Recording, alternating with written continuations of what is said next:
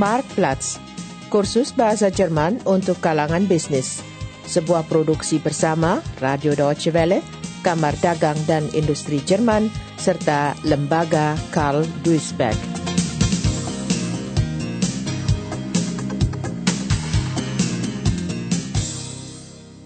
Episode 5 Wisata Insentif Kegiatan Biro Perjalanan Edgar Bushman, pimpinan perusahaan Cartex, gembira.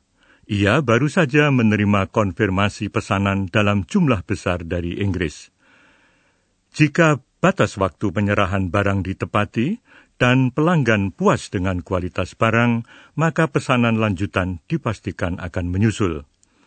Pada malam hari, ketika bermain bowling di kedai minuman favoritnya, Edgar Bushman terus memikirkan pesanan tersebut. Permainannya sangat buruk kali ini. Seperti orang buta saja, gerutu temannya. Stimmt, Karl. Ich bin nicht in Topform. Bin mit den Gedanken ganz woanders. Was ist denn los? Gibt's Probleme mit dem neuen Auftrag? Nee, nee, nee, nee, ganz im Gegenteil. Die Engländer haben heute Nachmittag angerufen, dass wir den Auftrag bekommen. Und wenn wir die Lieferzeit und die Qualität einhalten, hängt sofort ein Folgeauftrag dran. Perusahaan Cartex memproduksi sabuk pengaman untuk mobil. Edgar Bushman tidak meragukan sama sekali kualitas produknya. Ia ingin memajukan batas waktu penyerahan barang. Dengan demikian, dia dapat memperoleh hasil bruto dengan enam angka. Percakapan kedua teman itu perlahan-lahan beralih dari masalah bisnis ke hadiah wisata bagi para karyawan terbaik. Di samping gaji yang memadai, perjalanan wisata bersama seperti itu turut menunjang suasana kerja di perusahaan. Para karyawan merasakan bahwa mereka dihargai. Edgar Bushman, si pemimpin perusahaan, selalu memilih tur yang istimewa. Tujuan perjalanan sebelum ini adalah sebuah tambang intan. Ke mana mereka akan berkunjung kali ini? Ke Rusia? Ke Ukraina? Dalam waktu dekat, Edgar Bushman akan pergi ke Berlin untuk urusan bisnis dan kesempatan itu sekaligus akan dimanfaatkannya untuk mengunjungi biro perjalanan untuk berkonsultasi. Wenn wir das alles in zwei Monaten umsetzen können, lässt sich ein gesteigerter Ertrag in sechsstelliger Höhe rausholen. Oh, was du nicht sagst. Tja. Hm, jetzt haben wir mal was ganz anderes, Karl. Nächsten Sommer ist ja wieder eine Kartex-Reise fällig. Das letzte Mal waren wir ja bei dieser Diamantenmine. Oh, weißt oh doch, wo ja. wir da rumgebuddelt Ich haben. erinnere mich nicht dran. Äh, wir sollten jetzt mal in eine ganz andere Richtung denken. Warum nicht nach Russland zum Beispiel? Russland? Oh nee. Da gibt's doch im Sommer immer nur Mücken. Äh, nicht Russland, ich meine auf die Krim. Das ist, glaube Äh, ich. das äh, ist jetzt die Ukraine. Ja. Naja, klingt spannend, Ukraine. Aber hast du eine Ahnung, wie es da ist? Was man da so machen kann? Nein, noch nicht. Aber ich weiß von einem Reisebüro in Berlin, die sich top auskennen. Und da ich morgen sowieso nach Berlin muss, nur da habe ich gedacht, da schaue ich doch mal rein. Tempat main bowling memang bukan tempat yang terbaik untuk menangani masalah bisnis dalam suasana tenang. Kedatangan Edgar Bushman sudah ditunggu di kantor cabang Biro Perjalanan Troika di Berlin karena ia telah menelpon terlebih dahulu.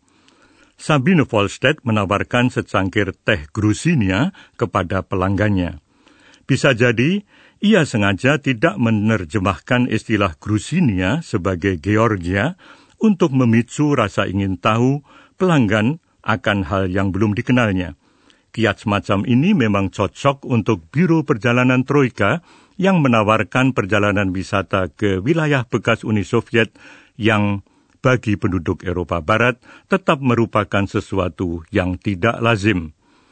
Dari sebuah percakapan telepon yang singkat, Sabine Volstedt mengetahui bahwa perjalanan wisata berkelompok ini merupakan acara wisata perusahaan.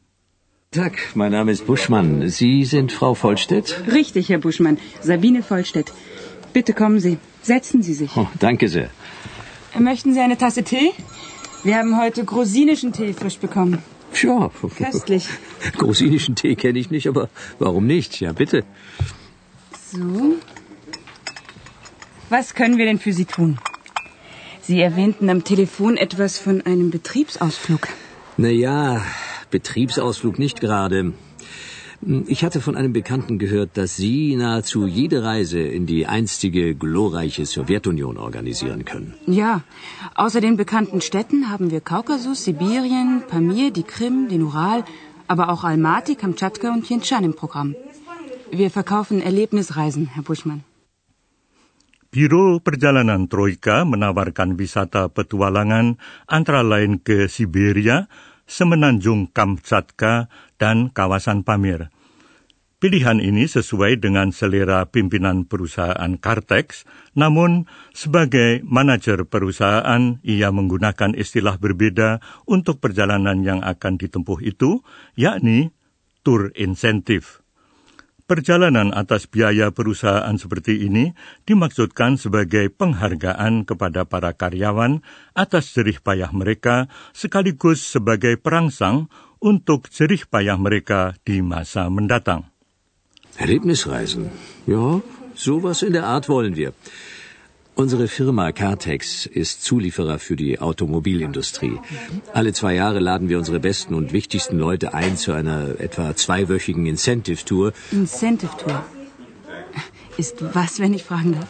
Ja, also wir verstehen darunter eine Reise auf Kosten der Firma, mit der die Leute für ihren bisherigen Einsatz belohnt und für ihren künftigen Einsatz neuen Anreiz, neuen Ansporn gewinnen und erfahren sollen. Semenanjung Krim dipilih sebagai tujuan perjalanan. Yang masih perlu dipastikan adalah tanggal keberangkatan dan jumlah orang yang turut serta. Rombongan besar dapat memperoleh harga terbaik.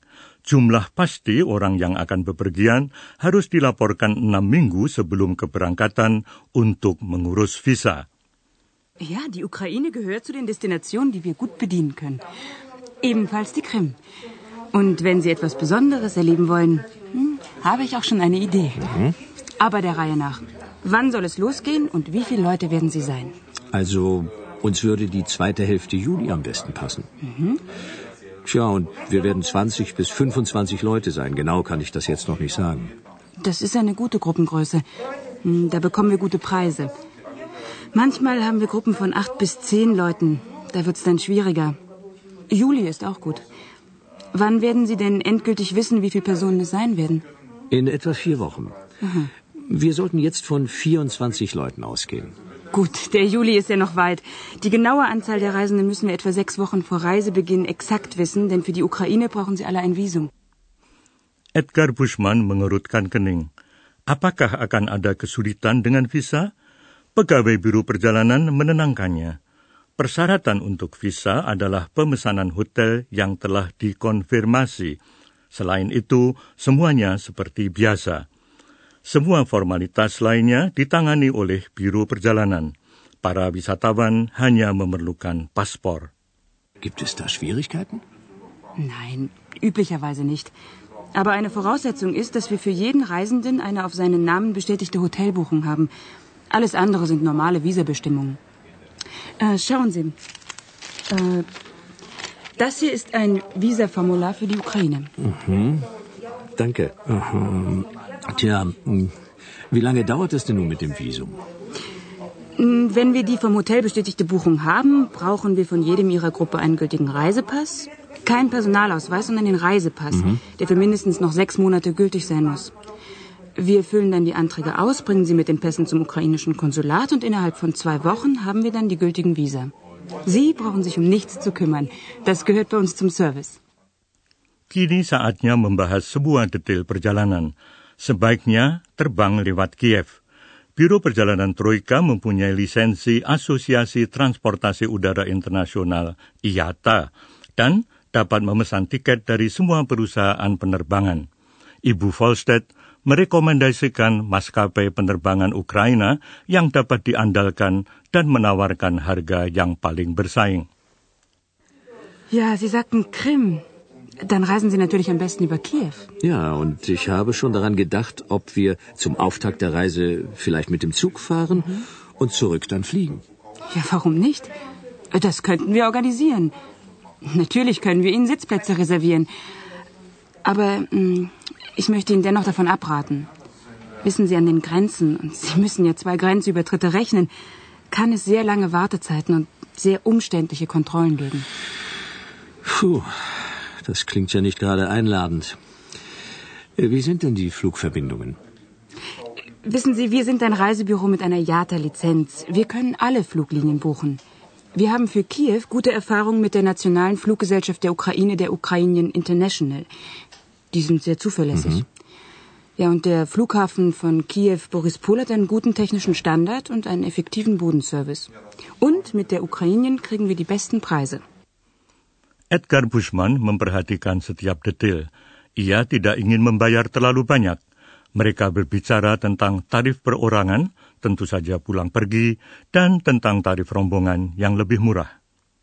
Wie teuer sind die Flüge? Ein Moment. Also, Moment. Da kann ich Ihnen anbieten für 680 Mark hin und zurück, wenn ein Wochenende dazwischen liegt. Aber das wäre ja bei Ihnen der Fall. 680 Mark. Das ist der Einzelpreis? Hm, richtig. Ähm, wie sieht's denn äh, aus mit dem Gruppentarif? Einen Moment. So. Den haben wir gleich. So. Ja, den kann ich Ihnen für 610 Mark anbieten. Ja, gut. Ist das der Preis für jetzt oder schon für Juli? Diesen Preis kann ich Ihnen jetzt schon verbindlich zusagen. Das kann ich sofort reservieren für 24 Plätze. Melalui komputer, Sabine Volstedt dapat berhubungan langsung dengan sistem reservasi maskapai Ukrainian International. Karena itu, tidak ada masalah dengan tiket. Apakah di Kiev terdapat hotel dengan standar barat? Menurut Pak Bushman, 200 mark per malam cukup mahal untuk hotel bintang 3. Mereka bisa mencoba mendapatkan diskon berdasarkan tarif rombongan atau melakukan negosiasi melalui mitra kerjasama sebuah biro perjalanan terdaftar di Kiev. Yang jelas, setiap upaya untuk mendapatkan harga terbaik bagi pelanggan harus ditempuh. So, die Flüge sind möglich. Das halten wir mal fest. Gut. Welches Hotel können Sie in Kiew empfehlen? Ich nehme an, Sie wollen ein Hotel mit westlichem Standard. Wir haben da das Hotel Dnieper. Das liegt zentral und ist in einer Kategorie wie ein Drei-Sterne-Hotel hier im Westen. Aber es ist nicht ganz billig.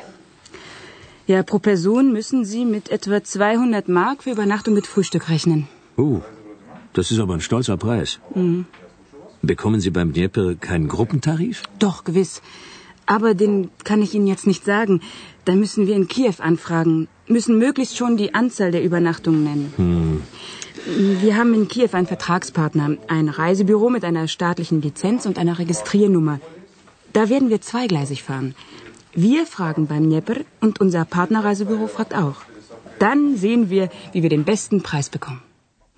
Mitra di Kiev akan menyediakan penerjemah dan bus untuk acara Dharma Wisata bagi rombongan. Satu minggu kemudian, Edgar Bushman menerima penawaran tertulis dengan semua detail dari Biro Perjalanan, termasuk harga untuk masing-masing jasa. Jika pelanggan menyetujuinya, maka berdasarkan penawaran itu, selanjutnya disusun surat perjanjian yang menyatakan pihak Troika menawarkan jasanya dan pihak pelanggan, dalam hal ini perusahaan Cartex, akan membayar jasa tersebut. Sebelum ada dokumen yang ditandatangani, percakapan antara Pak Bushman dan Ibu Volstead masih bersifat tidak mengikat bagi kedua belah pihak. Dengan satu perkecualian, uang muka, atau lebih tepatnya uang administrasi. Gut, Herr Buschmann. In etwa einer Woche bekommen Sie von uns ein schriftliches Angebot. Das ist komplett mit allen Daten, allen Hotels, allen Transportmöglichkeiten und allen Besichtigungen. Für alle Einzelleistungen haben Sie dann die jeweiligen Preise. Wir können das Ganze dann am Telefon besprechen. Sie sagen mir, wofür Sie sich entschieden haben. Wir erledigen dann alle Buchungen und Sie bekommen dann den Vertrag. Na fein. Aber ich komme auch gerne nochmal zu Ihnen. Ich bin ja doch jede Woche einmal in Berlin. Das können wir telefonisch verabreden. Wie Sie wünschen. Ähm, ich darf Sie nur bitten, dass Sie jetzt schon eine Anzahlung leisten. Eine Anzahlung? Wofür? Naja, keine Anzahlung auf den späteren Vertragspreis, sondern eine Bearbeitungsgebühr für unsere Telefon- und Faxkosten. Hm, es sind 50 Mark noch. Ach so, kein Problem.